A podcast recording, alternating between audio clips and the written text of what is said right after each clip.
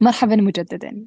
انتصفنا الطريق الآن ومر علينا لقاءات وإحنا في الثالث من أصل ست لقاءات لكن الطريق مش بهالسهولة كما يقول المتنبي لولا المشقة ساد الناس كلهم. في أي قرار بنتخذه بحياتنا غالبا بنواجه عقبات بالطريق.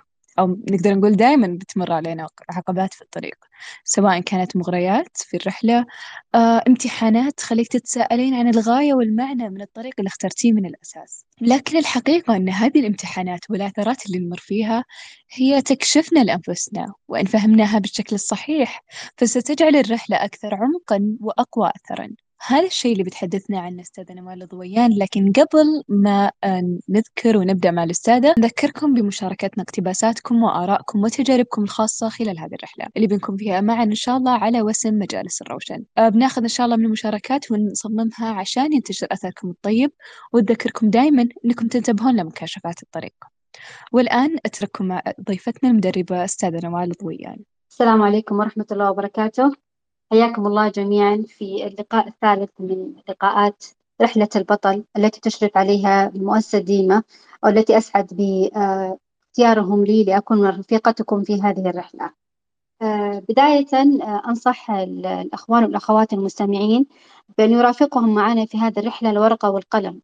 آه، حديثي معكم اليوم ذو شجون وسيثبت بإذن الله إذا دونتوه بالورقة والقلم وأتمنى تكون مشاركاتكم في هاشتاج مجالس الروشن اللي تكلمت عنها أستاذة هند قبل شوي تكون صور لملخصات أو الشخبطات اللي شخبطوها معي وأنتم تسمعوني خلال هذه الساعة واللي أتمنى يا رب أنكم يعني تستمتعون فيها وتلقون فيها كل شيء مفيد.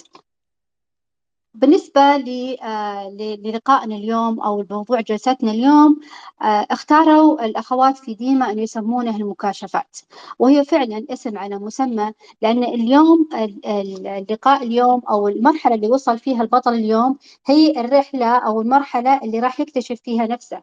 راح يكتشف فيها نفسه لأنه هو قرر أنه يتغير وعملية التغيير ليست عملية سهلة آه، أنها تستدعي اتخاذ مجموعة من القرارات بينها السهل وبينها الصعب فهو راح يكتشف نفسه من خلال تعامله مع هذه القرارات ومع التحديات التي تتطلبها هذه التغيرات.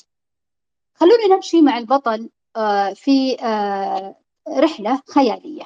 البطل كان يمشي في رحلته آه، وصل إلى جزيرة اكتشف يعني أعجب في هذه الجزيرة أو لفت انتباهه في هذه الجزيرة أن سكانها سليمين نفسيا أقوياء آه، صحيحين آه، ثابتين سعيدين مبسوطين رغم أنهم بشر تجري عليهم أحداث مستمرة طالما هم على قيد الحياة منها أحداث سعيدة ومنها أحداث مؤلمة. لكنه لاحظ أنهم ثابتين واسم هذه الجزيرة بالمناسبة اسمها جزيرة الأرض الصلبة. آه، وهذا الاسم لم يأتي من فراغ بل استمدت الجزيرة اسمها من صلابة آه، أنفس سكانها وثباتهم. آه، سكانها كانوا سعيدين ومبسوطين زي ما قلت لكم برغم من كل ما يمر عليهم من أحداث وابتلاءات إلى آخره. خلونا نتأمل سكان هذه الجزيرة قليلا ونشوف إيش بالضبط اللي يميزهم أو عن عن السكان الآخرين أو إيش بالضبط اللي بعد ما البطل آه، جلس معاهم. اكتشف فيهم نقطتين آه، مهمتين جدا. النقطة الأولى اكتشف إنهم آه، رغم إنهم تدور عليهم ما يدور على غيرهم من من من مصائب وابتلاءات ومرض ووفاة وسعادة وحزن ونجاح وفشل إلا أنهم كانوا سعيدين. هذه السعادة جاءت من إيمانهم التام ان الله سبحانه وتعالى عز وجل الحكيم العادل قرر عليهم أحداثا مؤلمة وأحداثا سعيدة. ولأنه عادل زودهم بالإمكانات والأدوات التي تجعلهم قادرين على التعامل معها وليس فقط التعامل معها بل تجاوزها والتعلم منها.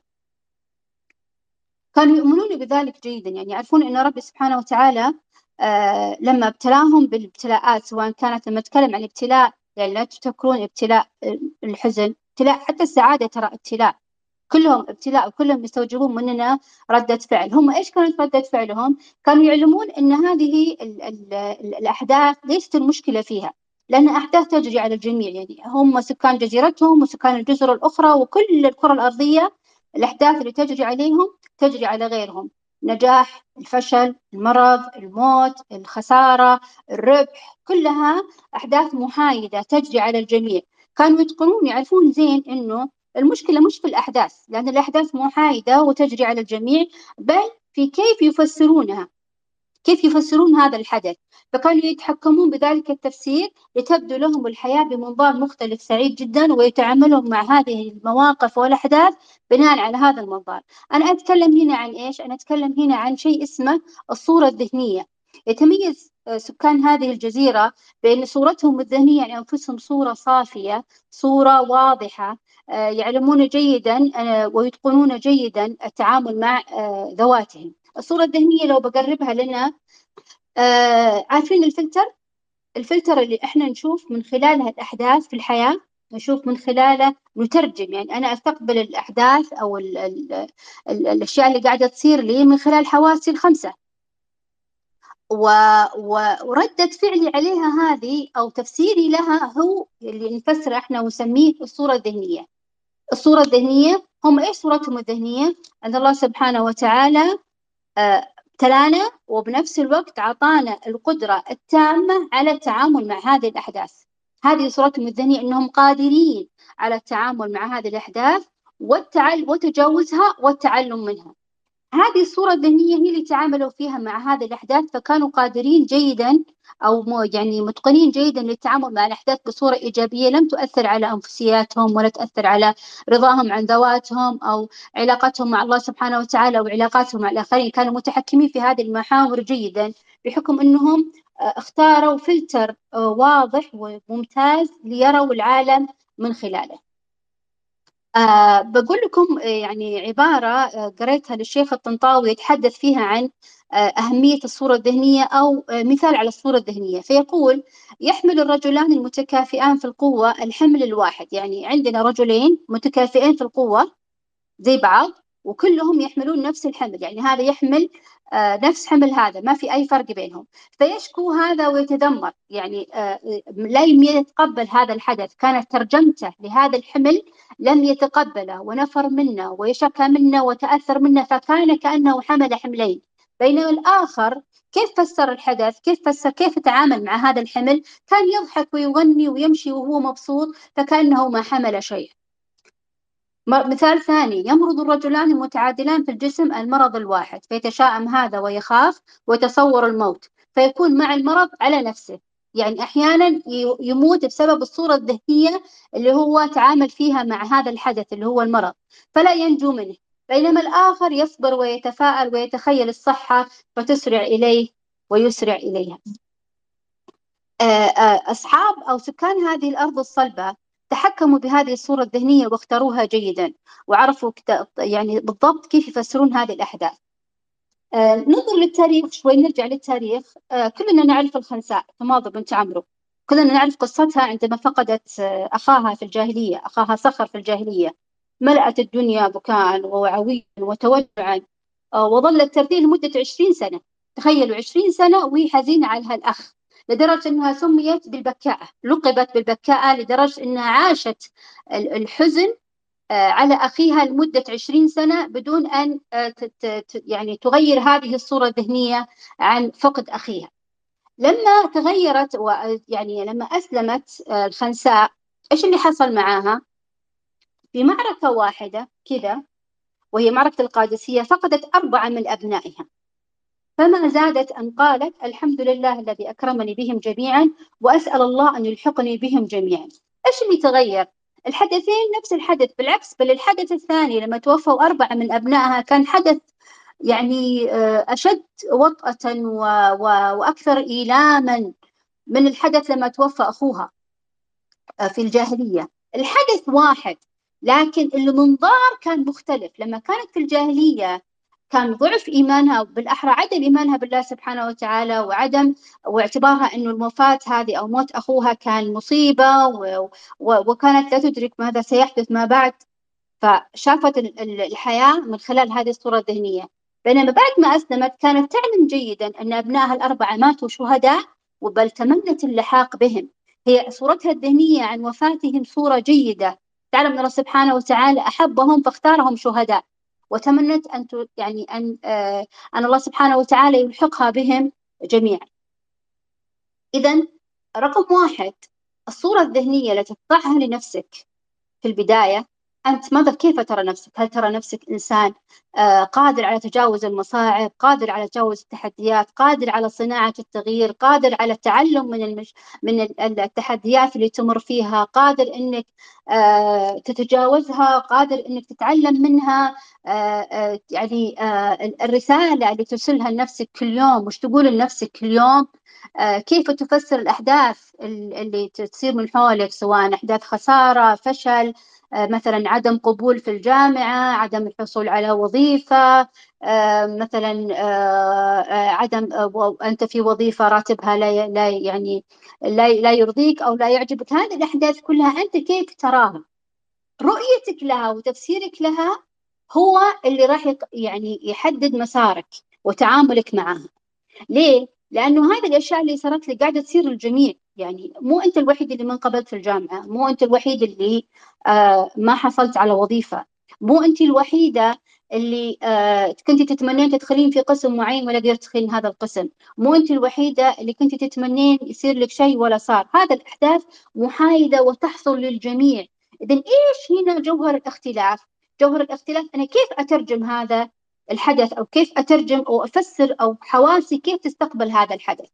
ثقوا ثقة تامة أنه كل ما كان استقبالنا لها إيجابي وترجمناها ترجمة إيجابية كل ما كان أثرها وانعكاسها على حياتنا فيما بعد آه، أفضل وأجبل ويكون له آه، يعني آه، أثر أعمق ويعني وأكثر استدامة في موضوع النجاح والقدرة على تحمل التحديات اللي ممكن تواجهنا في عملية التغيير. إذا رقم واحد الصورة الذهنية التي تحملها عن نفسك وهي يعني كأنها ترجمة العقل لما يرد إليه من المحيط الخارجي هل أنت إنسان تقولين إيه أنا ما حد يحبني أنا ما حد يبيني أنا عمري ما توفقت أنا عمري ما بغيت شيء وحصل لي أنا ما, ما مثلا آه أنا ما أنا منحوسة أنا فاشلة أنا شوف هذه عقلك كيف ترجم الأحداث اللي قاعدة تصير حولك. هذه الترجمة هي اللي راح تتحكم في ردود يعني أفعالك سواء الجسدية العقلية أو النفسية وتعاملك حتى علاقاتك مع الآخرين. ترجمة عقلك لما يرد إليه من المحيط الخارجي راح يتحكم في هذه الأشياء كلها. وقيسي عليها لو كانت هذه الترجمة ترجمة إيجابية. كيف راح يكون آه انعكاسها على تصرفاتك وعلى طريقة تفكيرك وعلى نفسيتك وعلى علاقاتك إلى آخره. هذه النقطة الأولى اللي كانوا يتميزون فيها سكان هذه القرية. طيب إيش النقطة الثانية؟ النقطة الثانية أقوى وأعمق. النقطة الثانية أنهم كانوا يتعاملون مع السنن الكونية تعامل مثالي ليس له نظير. هذا التعامل انعكس عليهم وخلاهم يعني هي جزيرة الأرض الصلبة. إيش معناها الأرض الصلبة؟ يعني أنا واقف على أرض ثابتة أنا ما أنهز أنا فيني ثبات آه، إيماني وعقلي ونفسي مهما آه، يعني بين قوسين مهما صفقتني الدنيا أنا قادر على أني أرجع وأوقف من جديد.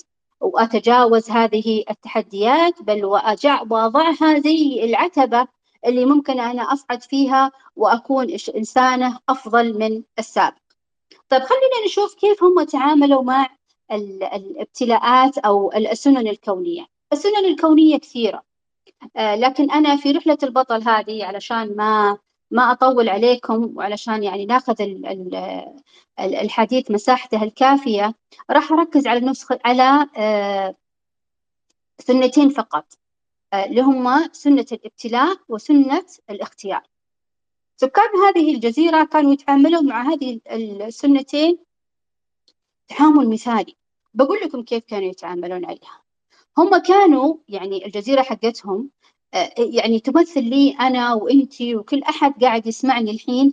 الأرض اللي أنا وكلنا نسعى عشان نقف عليها نكون أكثر قوة أكثر اتزانا في مواجهة أحداث الحياة آه، قادرين بإذن الله على تحقيق ذواتنا وقادرين على إدارة علاقاتنا. لأنه في ناس بسبب عدم فقدانهم بسبب فقدانهم للقوة والاتزان والتعامل مع ال ال ال الأحداث حولهم بطريقة جيدة لم يكونوا قادرين لم يحققوا ذواتهم. ما يعني هي ما هي عارفة هي إيش تبي ولا عارفة هي مين ولا عارفة هي وش تبغى ولا عارفة إذا هذا التغيير اللي اختارته تغيير مناسب لها ولا لا. ما هي عارفة شيء.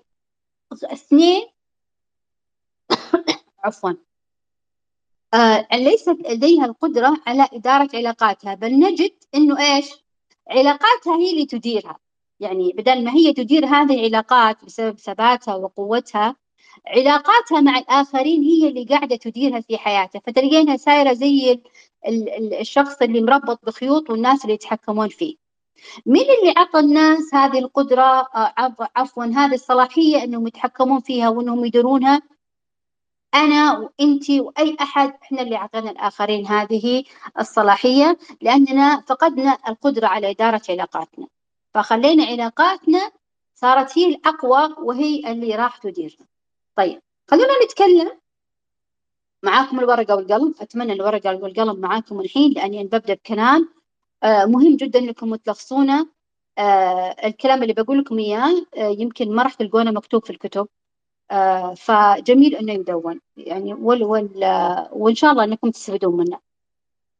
نبدأ بسنه السنتين اللي, اختر اللي اخترتهم عشان أركز عليهم آه معاكم اليوم اللي سنة الابتلاء وسنة الاختيار. طيب إيش معنى الابتلاء؟ لما أقول ربي ابتلاني ربي ابتلاني بكذا، ربي ابتلاني بكذا. طيب لما هو ابتلاني يعني يبغى يشوف ردة فعلي صح؟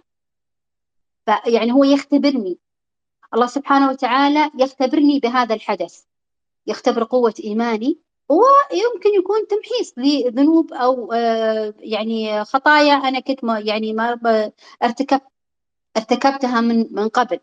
وحقيقة الحياة أساسا إنها دار ابتلاء. يعني تخيلوا لو أنت مثلا لما قلنا ابتلاء يعني اختبار تخيلي أنت الحين قالوا لك يلا بكرة اختبار إيش أول سؤال راح تسألينه؟ اختبار في إيش؟ صح؟ طيب سألتي اختبار في إيش؟ قالوا لك اختبار مثلا في الرياضيات.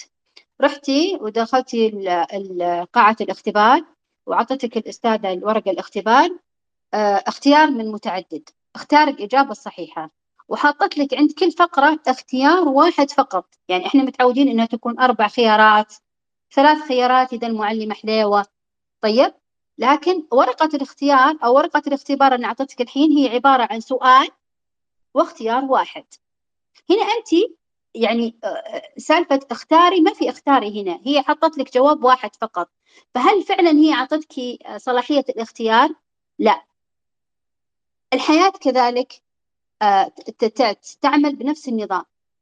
الله سبحانه وتعالى يعطينا يبتلينا أو يختبرنا باختبار لكن يعطينا أكثر من خيار في أداء هذا الاختبار. والحين بقول لكم إيش الاختيارات اللي يعطينا الله سبحانه وتعالى إياه أول اختيار أو أول دليل في القرآن إنا هديناه السبيل. قال قال الله سبحانه وتعالى إنا هديناه السبيل. يعني أنا الله سبحانه وتعالى قال لنا ترى هذا السبيل. هذا السبيل للجنة وهذا السبيل للنار. طيب. إما شاكرا وإما كفورا. أعطاكي اختيارين للإجابة. هل تختارين الشكر ولا تختارين الكفر؟ ما ألزمك بإجابة واحدة. فأختار الشكر أو أختار الكفر. فهنا نبغى نربط بين سنة الابتلاء وسنة الاختيار لأنه في الواقع ترى هم يعني آه يعني مربوطين ببعض. سنة الاختيار تحكم سنة الابتلاء. آه يعني الله سبحانه وتعالى لما آه يعني آه سن سنة سن سنة الابتلاء على خلقه حكمها بسنة الاختيار. علشان يكون لها معنى. إذا ما حط اختيار معناته إنه هذا الابتلاء ما له معنى صح ولا لا؟ خلينا نشوف إيش سنة الابتلاء أو يعني آه، المواد اللي بنبتلى فيها. مو إحنا قلنا الاختبار في مواد رياضيات فيزياء كيمياء أحياء آه، عاد بنات الجامعة ما أدري وش موادهم على حسب تخصصاتهم. آه، عندنا ثلاث مواد في سنة الابتلاء. ثلاث مواد فقط. يعني تخيلوا المنهج كله بس ثلاث مواد. المادة الأولى طبعا هذه المواد ما لها وقت محدد. من سن التكليف من يكون نبلغ سن التكليف وحتى الوفاة. فيما عدا الحالات اللي يرفع فيها القلم عن الإنسان من جنون وغيره.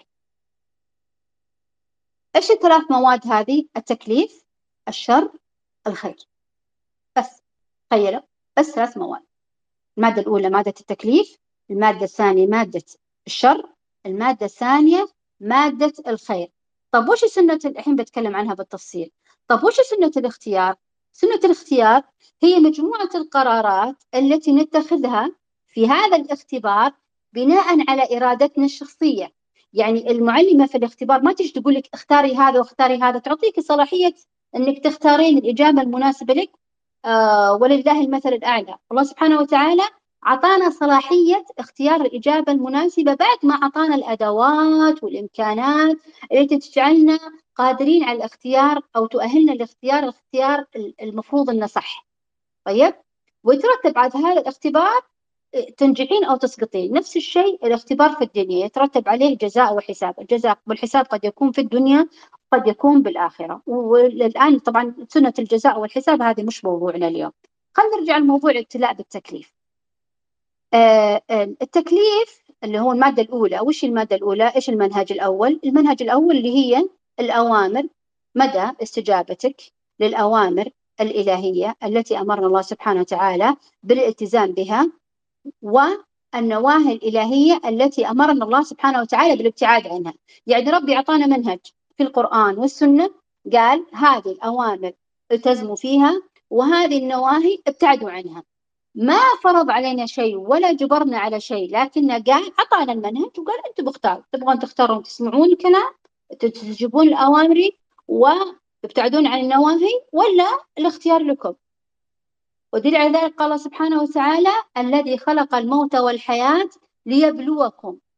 الابتلاء هنا أيكم أحسن عملا. العمل هنا وشو العمل اللي هو هل أنت عبد صالح آه، مجتمع يعني استجبت لأوامر الله سبحانه وتعالى والتزمت بها وابتعدت عن النواهي التي أمرك ابتعاد عنها ولا لا؟ هذا هذا أحسن هذا العمل اللي راح تجازى عليه. طب أنت أدائك في الاختبار كيف؟ إحنا أدانا بالاختبار اللي هو الحين قلنا بنربط الابتلاء بسنة الابتلاء بسنة الاختيار. الله أبتلاني بالتكليف أعطاني منهج وقال يلا هذا المنهج تبغى تسمع تسمع ما تبغى تسمع كيفك؟ طيب لما قال الحين هنا القرار قرار مين؟ قرار العبد قراري أنا وقرارك أنت وقرار كل أحد قاعد يسمعني وقرار كل أحد موجود على هذه الكرة الأرضية. اختيارنا. هل أنا إيش أختار؟ أنا هل أختار؟ عندي اختيارين. اختيار التوافق عفوا اللي هو الطاعة والانصياع والانقياد والاستسلام أو اختيار التعارض اللي هو العصيان والإعراض عن ذكر الله سبحانه وتعالى. عندي اختيارين في هذا الاختبار. أنت اختار الاختيار اللي يناسبك. هل تطيع أم تعصي؟ هذا الاختيار أو الابتلاء الأول بالموضوع التكليف. طيب ليش ليش آه، تجيني واحدة تسألني تقول طيب إيش الفائدة من سنة التكليف؟ يعني ليش الله سبحانه وتعالى أعطانا منهج وقال هذا حرام وهذا حلال وهذا يجوز وهذا ما يجوز؟ وحط العقوبات وحط كذا والمكافآت إلى آخره. اللي يطلع التشريعات الإسلامية والمناهج المنهج الإسلامي في في موضوع الأوامر والنواهي يجد أنها قامت على حماية الضروريات الخمسة اللي هي الدين والنفس والعقل والعرض والمال. اللي كلنا نسعى إنه وين قد يعني آه يعني نقتل آه, آه، في سبيل آه في آه في سبيل الحفاظ على هذه الضروريات الخمس. والضروريات الخمس نعمة تستقيم بها حياة الإنسان إن أدينا حقها. فالله سبحانه وتعالى عشان يساعدك على أن تحمي هذه الضروريات أعطاك سنة التكليفات. قال لك عشان تحميها سوي واحد اثنين ثلاثة. عشان تحميها ابتعد عن واحد اثنين ثلاثة. والآن الاختيار لمين؟ الاختيار لك. تمام؟ طيب نشوف المادة الثانية في منهج سنة الابتلاء. منهج جميل آه، يعني اللي هي سنة يعني في التكليف عفوا بس في التكليف آه، زي ما قلت لكم عندنا قل سنة اللي هي التوافق. الله سبحانه وتعالى قال من عمل عمل من عمل صالحا من ذكر أو أنثى فلنحيينهم حياة طيبة ونجزينهم أجرهم بأحسن ما كانوا يعملون. حياة طيبة. يعني أنت إذا توافقت واخترت التوافق ستجني حياة طيبة. طب لو اخترت التعارض اللي هو العصيان والعرض عن ذكر الله سبحانه وتعالى إيش الحكم هنا؟ أو إيش نتيجة الاختبار؟ إيش راح تكتب المعلمة على الورقة. قال تعالى ومن أعرض عن ذكري فإن له معيشة ضنكا ونحشره يوم القيامة أعمى. إذا أنت الآن الخيار لك تبغى حياة طيبة ولا تبغى معيشة ضنكا؟ الله سبحانه وتعالى حكيم وعادل يعني. آه ما فرض عليك آه حياة شقية ولا فرض عليك حياة سعيدة. أنت اللي تختار. تكون حياتك حياتك كذا وحياتك كذا. وراح يعني نتناول هذا الموضوع بشيء من التفصيل لما نتعامل مع المادة الثانية اللي هي مادة الابتلاء بالشر. وش الشر؟ وش الأشياء الشر اللي ممكن أن الله سبحانه وتعالى يبتلينا فيها في هذه الحياة؟ كثيرة. فقر فقد عزيز آه، مرض خوف غيره يعني. في أشياء كثيرة من العوارض اللي تصيب حياة تصيب الإنسان عوارض مؤلمة. آه الله سبحانه وتعالى قال ولنبلونكم بشيء من الخوف والجوع ونقص في الثمرات والأنفس وإيش؟ وبشر الصابرين. هنا الابتلاء. هنا أنت نجحت في الاختبار إذا إيش؟ إذا صبرت. إذا كل العوارض الحياة المؤلمة اللي الله سبحانه وتعالى آه، يبتلي فيها العباد هي اختبار لهم ترى ما هي عقاب ما, ما هي أبدا ما هي عقاب هي اختبار هل أنت تصبر أم لا تصبر فقر فقد مرض خوف وغيرها طبعا لما أقول ما هي عقاب طبعا لا أتعلى لا. لا. يعني أتجاوز على آه، قدر الله سبحانه وتعالى. لكن أنا أتكلم في المجمل يعني في ناس تصيبهم عوارض حياة مؤلمة كعقاب لهم زي ما نسمع يعني يعني في القصص اللي ورد في القرآن مع آه، في قصص الأنبياء والأقوام الأنبياء اللي عرضوهم و وعذبوهم وطردوهم وهكذا. فالله سبحانه وتعالى عاقبهم. لكن هو قبل ما يعاقبهم أعطاهم فرصة الاختيار أنهم يسمعون لكلام هذا النبي أو يعصون هذا النبي. فكان هذا العقاب نتيجة الاختبار وليس عارض حياة آه، مستقل واضحة الفكرة؟ طيب الابتلاء بالشر يعني آه، كثير نقول آه، الله سبحانه وتعالى إحنا كيف نتعامل مع الابتلاء بالشر؟ كيف نتعامل مع الأحداث المؤلمة اللي تصيبنا يعني صورتنا الذهنية عن أنفسنا لما مثلا ما نتوفق في زواج أو ما نتوفق في ذرية أو ما نتوفق في وظيفة أو ما نتوفق في فرصة عمل أو ما نتوفق في أي شيء إحنا خططنا له و... و... وما نجحنا فيه هذه هذا ترى هذا هو الابتلاء بالشر، الشر إنه يحصل الشيء اللي يضيق صدري، اللي أنا ما أحبه، الشيء اللي آه بيخليني آه آه آه ما ما أحس إني آه حققت نفسي في الحياة. طيب هذا الشر هو بالحقيقة ترى ابتلاء، الله سبحانه وتعالى يبي يقيس بيختبرك. هل أنت صابر أم جزوع وهنا نربطها بسنة الاختيار. يعني البنت اللي مثلا تقرر إنها آه، مثلا خلوني أقول لكم مثل إنها مثلا تبغى تدرس تخصص معين. لك وتعبت في الثانوية وجابت نسبة وجابت آه، مثلا اللي هي النسبة الموزونة والدرجة الموزونة وكل أمورها تمام. ودخلت السنة التحضيرية و و و و لكن في النهاية ما حصلت على أو ما قبلت في القسم اللي هي كانت تتمنى أنها تحصل عليه. هنا هي يعني الظاهر الكلام أنه شر أنه شيء يضيق صدرها أنه خيبة أمل أنه صدمت بالواقع. تعاملها نرجع للصورة الذهنية تعاملها مع هذه مع هذا الحدث وكيف ترى الحدث وكيف تترجم هذا الحدث؟ هو اللي بيساعدها على أنها تختار الاختيار الصح اللي بتكلم عنه قبل شوي. يعني أبيكم تربطون العناصر كلها مع بعض. ترجمتي للحدث اللي قاعد يصير لي سواء كان شر أو خير أو تكليف الصورة الذهنية لهذا الحدث هي اللي بتخليني أختار كيف أتعامل معه. يعني الصورة الذهنية هي اللي تربط لي سنة الاختيار وسنة الابتلاء مع بعض. أنا كيف أرى هذا الحدث؟ إذا أنا كيف راح أختار ردة فعلي؟ واضحة؟ طيب. الأحداث اللي بالشر. يعني مثلا هذه البنت خلينا نضرب مثال على هذه البنت اللي قبل شوي اللي آه، قلنا أنها كانت تحلم بحلم معين ولا حصل لها. عاد عاد كل واحدة قاعدة تسمعني الحين وكل أحد قاعد يسمعني أكيد إنه مر بهذه التجربة إنه كان مخطط على شيء وكانت عنده كان عنده مشروع أو كان عنده حلم ولا الله سبحانه وتعالى آه، ابتلاه بعدم تحقق هذا الحلم. أنت كيف رأيت عدم التحقق؟ هل رأيته خيبة أمل؟ هل رأيته الله ما يحبني؟ هل رأيته أنا إنسان فاشل؟ هل رأيته آه، آه، آه، الدكاترة اللي في الجامعة ما يحبوني وظالميني؟ و و إلى آخره. ولا رأيته رؤية ثانية إيجابية جميلة أن الله سبحانه وتعالى بختار لي خيرة ثانية أفضل أن الله سبحانه وتعالى ما غب عني هذا إلا هو يعني كنز لي شيء أفضل منه.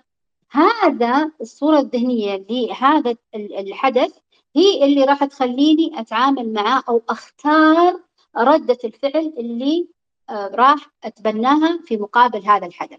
طيب إيش إيش الاختيارات المتاحة عندي؟ إحنا قلنا اختبار. اختبار كل اختبار فيه اختيار متعدد. عندي هنا سنة الاختيار في فيما يخص الابتلاء بالشر. عندي اختيارين. وكل اختيار فيه ثلاث اختيارات. تمام؟ الاختيار الأول أني أتوافق مع هذا الحدث وأرضى فيه. بمعنى الصبر والاحتساب آه، احتساب الأجر من الله سبحانه وتعالى طيب إيش معنى كلمة الصبر؟ إيش معنى لما أقول أنا صابر أو أنا صابرة؟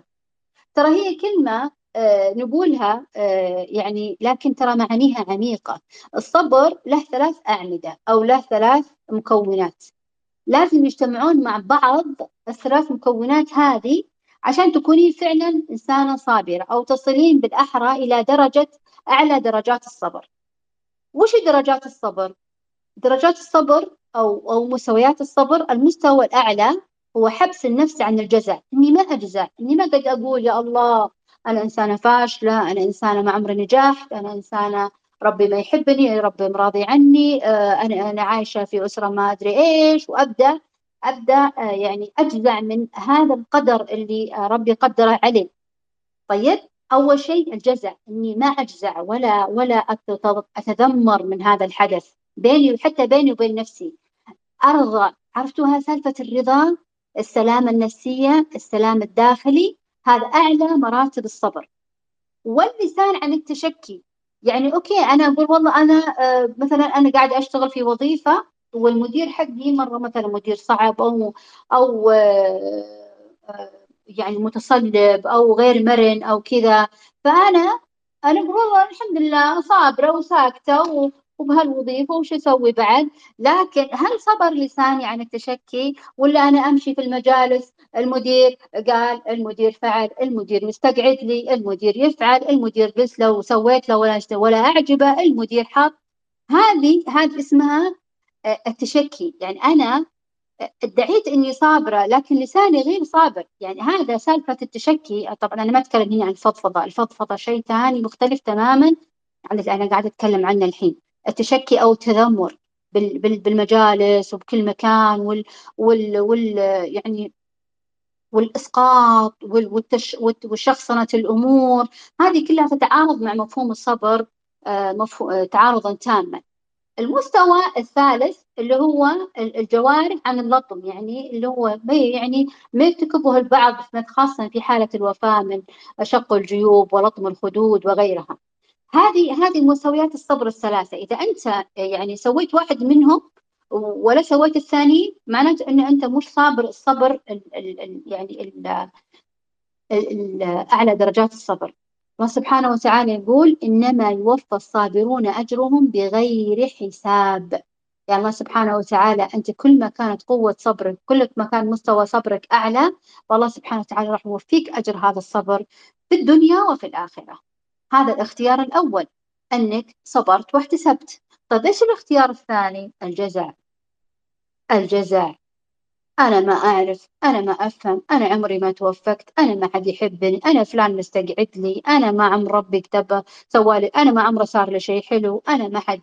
آه عائلتي فيها كذا أصدقائي فيهم كذا اللي في ونبدأ آه يعني آه نرى العالم من حولنا أو نرى هذا الابتلاء اللي الله ابتلى الله سبحانه وتعالى فيه بصورة سلبية جدا. طيب كيف يكون هذا الجزع؟ بالإعتراف. ليش يا ربي؟ ليش الناس كلهم كذا وأنا لا؟ ليش أنا الوحيدة اللي مع البنات اللي المديرة تعاملني كذا؟ ليش أنا الوحيدة اللي ما جبت مثلا آه، ما تزوجت مثلا؟ ليش أنا الوحيدة اللي آه، وزني مو راضي ينقص؟ ليش أنا الوحيدة اللي آه، كل دفعة قبله وأنا منقبض؟ اشتراك إنهم كلهم منقبلوا مشيتي عليهم واحدة واحدة فنبدأ نعترض على قضاء الله سبحانه وتعالى وهذا يعني قمة الجزع. ونبدأ نتشكل. عكس تماما الصبر. التعارف إنه هو الاعتراض على القضاء والقدر والتشكي المستمر التحلطم والتشكي واللطم عكس الصبر تماما. آه آه فالله الرسول صلى الله عليه وسلم يقول إذا أحب الله قوما ابتلاهم. عرفتوا لما نشوف الابتلاء إن رسالة حب من الله سبحانه وتعالى يعني انت آه، الابتلاء أو التحديات اللي اللي تواجهك في الحياة شوفيها أنها رسالة حب من الله سبحانه وتعالى، الله سبحانه وتعالى لأنه يحبك ابتلاك، والدليل على ذلك إنه مين أكثر ناس تعبوا في حياتهم؟ الأنبياء، والله سبحانه وتعالى ما يحب أحد من البشر قد ما يحب الأنبياء. يعني هو إنه خصهم بالنبوة وخصهم بالرسالة. وابتلاهم. كل نبي فيه ابتلاء. يعني اللي يقرأ قصة الأنبياء يعرف أن كل نبي من الأنبياء زي ما الله سبحانه وتعالى أعطاه معجزة ابتلاه بابتلاء محدد.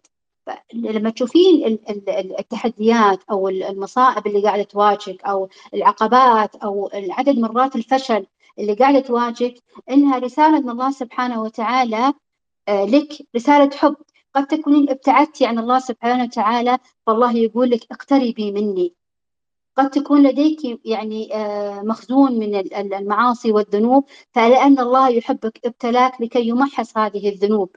كل ما شفنا آه، هذا الموقف السلبي اللي صار في حياتنا بصورة إيجابية فمن صبر فله الصبر ومن جزع فله الجزع. هذه قاعدة. فاللي أبي أوصل لأنه آه، أي ابتلاء بالشر طريقة رؤيتنا له هي اللي راح تحدد هذا الاختيار. أه تأملي يعني خلينا نشوف مع بعض أه وأتوقع أنه يعني أغلبكم يقرأ قصص الناجحين. ما في ولا شخص ناجح. أنا أتكلم عن الناجح العصامي الناجح الصحيح أه مش الذي بنى نجاحه على أكتاف الآخرين. اقرأوا قصصهم جيدا. تلقون أنهم نجحوا لأنهم تجاوزوا هذه العقبات. نجحوا بعد ما غيروا نظرتهم لهذه العقبات. بعد ما شافوا أن هذه العقبة بدل ما هي عقبة اعتبروها تحدي اعتبروها فرصة أني أثبت نفسي أكثر أني أدرب نفسي أني أتعلم أني آه، آه، أتجاوز هذه الت... آه، يكفي لو أقول أنه هذا التحدي رسالة من الله سبحانه وتعالى تدعوني للعودة إليه رسالة من الله سبحانه وتعالى تطلب مني التقرب له. فكل ما شفتي الجزء التحدي اللي قدامك بهذه الصورة الجميلة كل ما كنت قادرة على التعامل معاه بطريقة إيجابية. ننتقل الحين إلى سنة الابتلاء بالخير. يقولون شلون الله يبتلينا بالخير؟ يعني شلون الله يبتليني بخير؟ يعني ما يصلح. يعني ابتلاء بالخير إيه يصير الابتلاء بالخير؟ المجموعة النعم نتقلب فيها بالليل والنهار هذه كلها ابتلاءات من الله سبحانه وتعالى. يعني الحين بس بهالدقيقة هذه أبي كل واحدة منكم اللي يسمعوني سواء رجال أو نساء آه إن كذا نعطي نفسنا عشر ثواني بس فكر في النعم اللي الله أمنعم عليك الآن الآن فيها. نعمة إنك قاعد تسمعني. نعمة إنك قاعدة إنك عندك جهاز نعمة إن عندك إنترنت نعمة إن عندك وقت قاعد تسمعيني.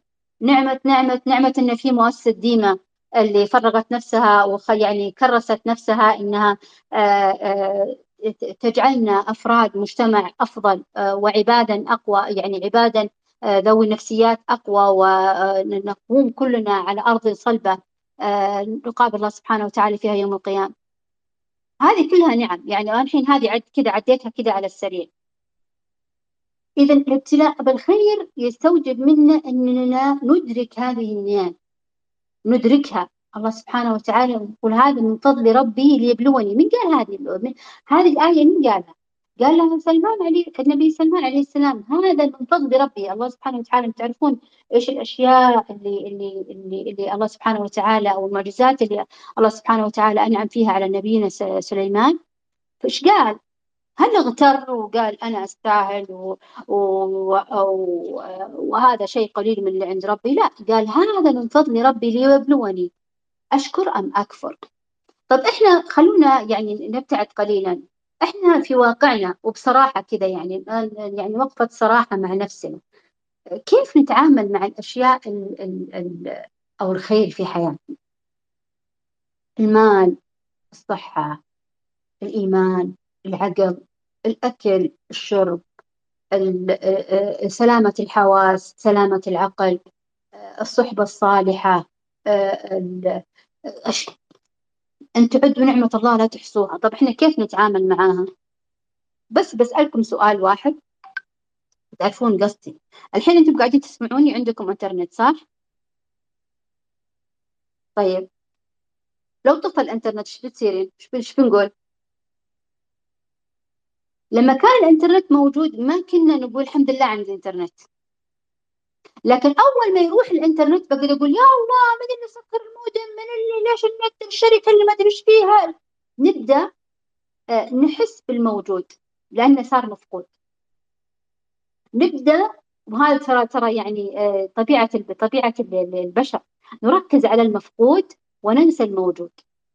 يعني كم واحدة توفى لها أحد عزيز عليها وبعد ما توفى كتبت يا ريتني ما فعلت ويا ريتني قضيت معاه وقت أكثر ويا ليتني قلت لا ويا ليتني فعلت ويا. طيب ما كان موجود هو ما كان هو طول حياته موجود معاك ليش ما فكرتي بال... بال... بالأشياء اللي أنت بتسوينها معاه بعد ما راح أه سويتي. يعني ما سويت زين بالاختبار يا ليتني ذكرت زين يا ليتني ما شغلت بكذا يا ليتني ما نمت كثير يا ليتني سألت البنات يا ليتني حضرت المحاضرة.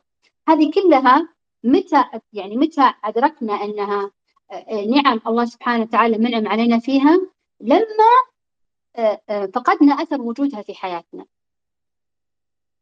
فإحنا في في تعاملنا مع الأشياء الجميلة والنعم اللي الله سبحانه وتعالى يجعلنا نتقلب فيها بالليل والنهار متى ما يعني كان امتناننا عظيم لها في في كل لحظة من لحظات حياتنا كل ما كان أدائنا في آه، مادة الخير أداء عالي.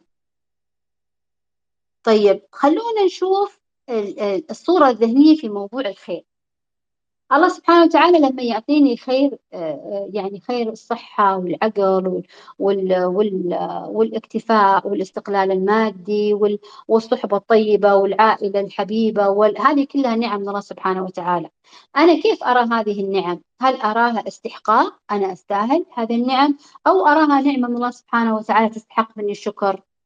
أو أراها إنه آه والله مو أنا الوحيدة اللي عندي هذا الأشياء كثير ناس عندهم زي يعني ما ما في عندي شيء مميز. طيب؟ هذه كلها يعني اداء فاشل في الاختبار. أنت تسقطين في اختبار الخير. طيب كيف أنجح في اختبار الخير؟ نجي هنا نتكلم عن سنة الاختيار. سنة الاختيار تقول في اختبار الخير عندك برضو اختيارين وكل اختيار فيه ثلاث اختيارات. نفس موضوع فكرة مادة الشر مادة التعامل التعامل مع آه، ابتلاء بالشر السنة الأولى التوافق. معنى التوافق؟ أني أسوي الشيء الصح أني أجاوب الإجابة السليمة اللي هي الشكر. أشكر الله سبحانه وتعالى على كل نعمة الظاهرة والباطنة. وهذا الشكر يظهر على يظهر علينا في بالثناء على الله سبحانه وتعالى. وحمد الله سبحانه وتعالى. هذا بيظهر على اللسان. طيب على القلب يظهر على القلب بالمحبة والامتنان. يعني أنا أؤمن إن الله سبحانه وتعالى ممتنة لله سبحانه وتعالى بقلبي هذا شعور قلبي داخلي على النعم اللي أعطاني إياها طيب كيف يكون التوافق بالجوارح بالطاعة والانقياد؟ ربي لما أعطاني الشيء الجميل من الواجب علي وكتقدير لهذا العطاء من الله سبحانه وتعالى أني أطيعه وأنقاد إليه. هذه الإجابة الصحيحة عن نعمة الابتلاء بالخير. عن آه، مادة الابتلاء بالخير. الإجابة الصحيحة الشكر. الشكر له ثلاثة مظاهر. أول شيء مظهر على اللسان بالثناء المستمر على الله سبحانه وتعالى بالتسبيح والحمد. زين. المظهر الثاني في القلب بالمحبة والامتنان لأنه النعمة اللي أعطاني إياها ربي مو كل الناس عندهم هذه النعمة. مو كل الناس عندهم نعمة إنهم يقدرون يسمعون. مو كل الناس عندهم نعمة إنهم يقومون الصباح وهم آه، في جو آمن وبمكان بارد إلى آخره. يعني آه، بقول لكم قصة دائما أتذكرها وأقولها لأولادي عن عن فكرة الامتنان. آه هذه أم آه يعني أسرة فقيرة جدا عبارة عن يعني هم أم وابنها الصغير كانوا ساكنين في سطح أحد البناءات آه في سطح أحد العمائر وكان البناء حقهم آه، يعني آه متهالك. البيت اللي هي غرفة وحمام وكان بنائها جدا متهالك يعني سقفها كان من خشب فمرت عليهم يوم آه، أمطرت السماء بشكل يعني غزير جدا جدا جدا لدرجة إنه السقف يعني انهار على هذه الغرفة ودخلت ملأ الماء هذه الغرفة. فقامت جت الأم وش سوت؟ قامت الأم شالت الباب باب الغرفة وحطت سندتها على الجدار وقعدت هي وولدها تحت الباب حتى ما انتهت العاصفة وتوقف المطر. يعني هم كانوا جالسين طول الليلة تحت هذا الباب. يعني بس تخيلوا الصورة. الحين أنا كل ما أتخيلها يقشعر بدني. بعد ما أن توقف المطر آه، قال الولد الأمة الحمد لله يا ماما إن ربي أعطانا باب آه، يحمينا من المطر. هنا بالضبط نعمة الامتنان لله سبحانه وتعالى. طيب كيف نتعارف مع هذه النعمة؟ بالكفر. بالكفر بهذه النعمة. آه، آه، بكفر بجحود الفضل الله سبحانه وتعالى وعدم إلاء الفضل الله سبحانه وتعالى لا باللسان ولا بالقلب ولا بالعمل. قال الله سبحانه وتعالى لئن شكرتم لأزيدنكم ولئن كفرتم إن عذابي لشديد. يعني آه نعمة ال ال ال أو سنة الابتلاء بالخير ترى مادة صعبة جدا جدا جدا. تقريبا هي أصعب مادة من مواد الابتلاء. وهي أصعب حتى من الابتلاء بالشر لأنه إحنا كمسلمين والإنسان عامة حتى الإنسان الكافر حتى حتى المشركين يعني اللي يقرأ آيات القرآن الكريم يراها أنهم لما يصابون بمصيبة يلجؤون الله سبحانه وتعالى. ومجرد أنه ما تنتهي هذه المصيبة وينقذهم الله من الشر اللي هم كانوا فيه على طول آه، يكفرون يعني ينسون الوعد اللي وعدوه رب العالمين. فكان أداءهم في سنة الابتلاء بالشر أداء عالي. يعني لجأوا إلى الله نجحوا في اختبار الشر لكنهم فشلوا فشل ذريع في اختبار الخير. لأنهم أول ما أنعم الله سبحانه وتعالى عليهم بنعمة انتهاء المصيبة كفروا. وهذا الشيء اللي أنا أكد عليه دائما أن الله سبحانه وتعالى زي ما ابتلى اليتيم بفقدان أمه وأبوه إحنا نشوف اليتيم نقول مسكين يتيم ما عنده أم وأبوه. هذا هو مبتلى بالشر. لكن هل أنت مدرك اللي تسمعني أنك أنت مبتلى بالخير أن عندك أم وأبو أمك وأبوك هذا الابتلاء لك. هل تؤدي حق الله فيهم أم لا؟ الشكر والبر والثناء والامتنان والطاعة والانقياد. هل تؤدي حق الله سبحانه وتعالى في هذه في الابتلاء بالخير؟ ترى مادة الابتلاء بالخير يا جماعة مادة صعبة. يعني إحنا إحنا طول ما إحنا في رخاء وأمن وسعة من المال وسعة من الوقت وسعة من الخيرات والأنعام والأشياء اللي نطلبها من الله سبحانه وتعالى. طول ما إحنا محاطين بنعم الله سبحانه وتعالى أحيانا نبعد عن الله سبحانه وتعالى بسبب هذه النعم اللي أنعمها علينا. العافية العمل العائلة آه، كلها نعم هي خير. الله سبحانه وتعالى ابتلانا فيها لكنها سببت لنا أننا ابتعدنا عن الله سبحانه وتعالى فصار ابتلاء بالخير سقطنا في اختبار ابتلاء بالخير لأننا ابتعدنا عن الله سبحانه وتعالى. اللي شاهد على كلامي الله سبحانه الرسول صلى الله عليه وسلم آه، قال فأبشروا وأملوا ما يسركم فوالله للفقر أخشى عليكم. ولكن أخشى عليكم أن تبسط عليكم الدنيا كما بسطت على من كان قبلكم. فتنافسوها كما تنافسوها وتهلككم كما أهلكتكم كما أهلكتهم. هنا تأكيد من الرسول صلى الله عليه وسلم أن الابتلاء بالخير يعني مادة أصعب مع أنها أجمل. ترى هو أجمل الابتلاء بالخير. إحنا مبسوطين أكثر وإحنا مبتلين باختيار باختيار الخير باختبار الخير. في مادة أدائنا في اختبار الخير إحنا مبسوطين. لكن هل راح ننجح في الاختبار؟ ما راح ننجح إلا إذا أدينا حق هذا الاختبار واخترنا الإجابة الصحيحة اللي هي الشكر وانتظر أثر هذه النعم على لساننا بالثناء وعلى قلبنا بالمحبة والامتنان وعلى جوارحنا بالطاعة والانقياد لله سبحانه وتعالى كثير يقولون إنه يعني آه، واحدة من البنات اللي أنا يعني تكلمت معاها في هذا الموضوع قالت آه طيب إذا أنتم تقولون كذا طيب الله سبحانه وتعالى في أمم عاصية الله سبحانه وتعالى ومع ذلك مبتليهم. يعني قصدي منعم عليهم بال بال بال بال بال بالرخاء بالجو الزين والطبيعة والمدري إيش. طيب أنت إيش إن هذا آه، آه، يعني مكافأة لهم. هو زي ما مبتليكي بالشر في المكان اللي أنت فيه سواء كانت الجو حر الجو غبار المكان اللي أنت فيه آه، ما فيه رخاء هو مبتليهم بالخير اللي هو أعطاهم إياه. هو مبتليهم أيضا. الغني مبتلى زي ما الفقير مبتلى. الغني في اختبار الخير والفقير في اختبار الشر. كلهم في اختبار. وكلهم يجب أن يؤدوا حق هذا الاختبار جيدا وعندهم اختياراتهم. المريض مبتلى بابتلاء شر المعافى مبتلى بابتلاء خير. ما في أحد في هالدنيا هذه يعني معفى من هذه السنن اللي هي سنة الابتلاء. فأنت طول حياتك يا أما مبتلى بالتكليف أو مبتلى بالخير أو مبتلى بالشر.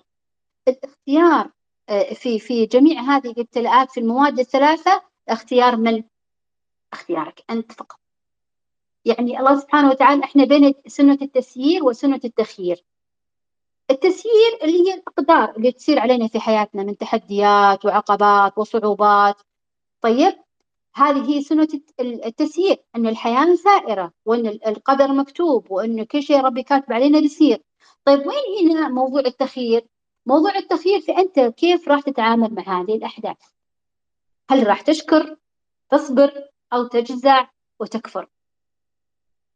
فالحكم على الخير أو الشر يحكمها الاختيار من الفرد نفسه. فليس كل شر شر محض وليس كل خير خير محض.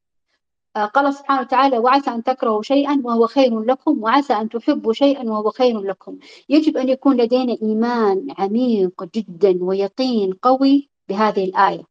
أنه مو كل شيء نبيه فيه خير لنا ولا كل شيء آه، ما نبغاه فيه شر لنا. الله سبحانه وتعالى هو يعلم. فأنت إذا الله سبحانه وتعالى أصابك بشر كيف ترى هذا الشر؟ كيف ترى هذا المصاب؟ هنا هنا إذا أنت مثلا الحين مثلا إصابة بالشر خلينا نقول مثلا مرض المرض هل هو خير أو شر؟ شر. طب واضح إنه شر. طب خلينا نشوف ردة فعلك. ردة فعلك هي اللي بتحول هذا الابتلاء من ابتلاء خير إلى ابتلاء شر. إذا أنت جزعت ويأست وشخصنت وتشكيت فأنت هنا آه، هو ابتلاء شر لك لأنك أنت ما أديت أداء صح. طيب كيف أحول هذا المرض إلى ابتلاء خير؟ كيف أخليه يعود علي بالخير؟ إني أصبر وأطلب من الله سبحانه وتعالى الشفاء. وأحمد ربي إنه مرض هذا ولا مرض غيره. وهكذا يعني تعاملنا مع الحدث ممكن يغير ابتلاء من ابتلاء خير إلى ابتلاء شر.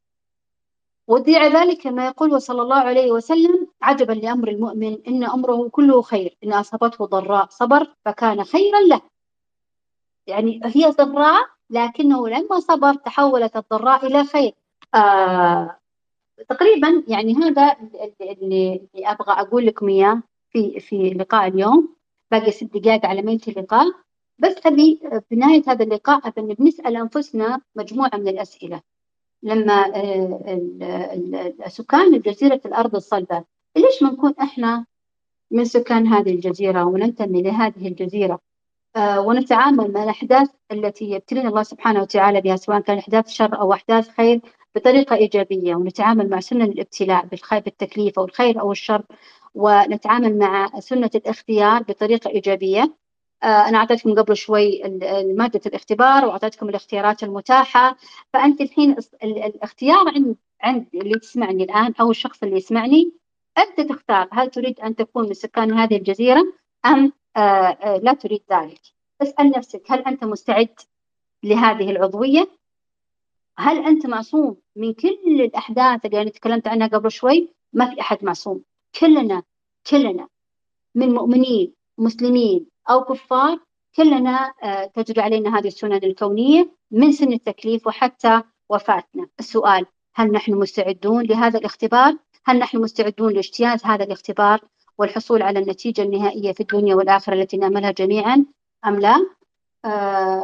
أقول قولي هذا وأستغفر الله العظيم لي ولكم سبحانك اللهم وبحمدك أستغفرك وأتوب إليك شكرا لك أستاذة نوال كان لقاء جدا جميل عرفتينا فيه وأخذتينا فيه لأرض الصلبة. ولكل واحدة تسمع الآن كيف بيكون تعاملك مع امتحانك القادم؟ سواء كان في الخير أو بالشر. وهل ساعدك هذا اللقاء إنك تفهمين حقيقة العقبات تكتبي عن نفسك لكن ترانا ما انتهينا لسه. واقتربنا من قطف الثمار وإتيان الغايات. غدا سيكون معنا أستاذ عبيد الظاهري على منصة الزوم وبيكلمنا عن إتيان الغايات واللي هي مرحلتنا القادمة. فإلى ذلك الحين نشوفكم على خير. سبحانك اللهم وبحمدك أشهد أن لا إله إلا أنت أستغفرك وأتوب إليك.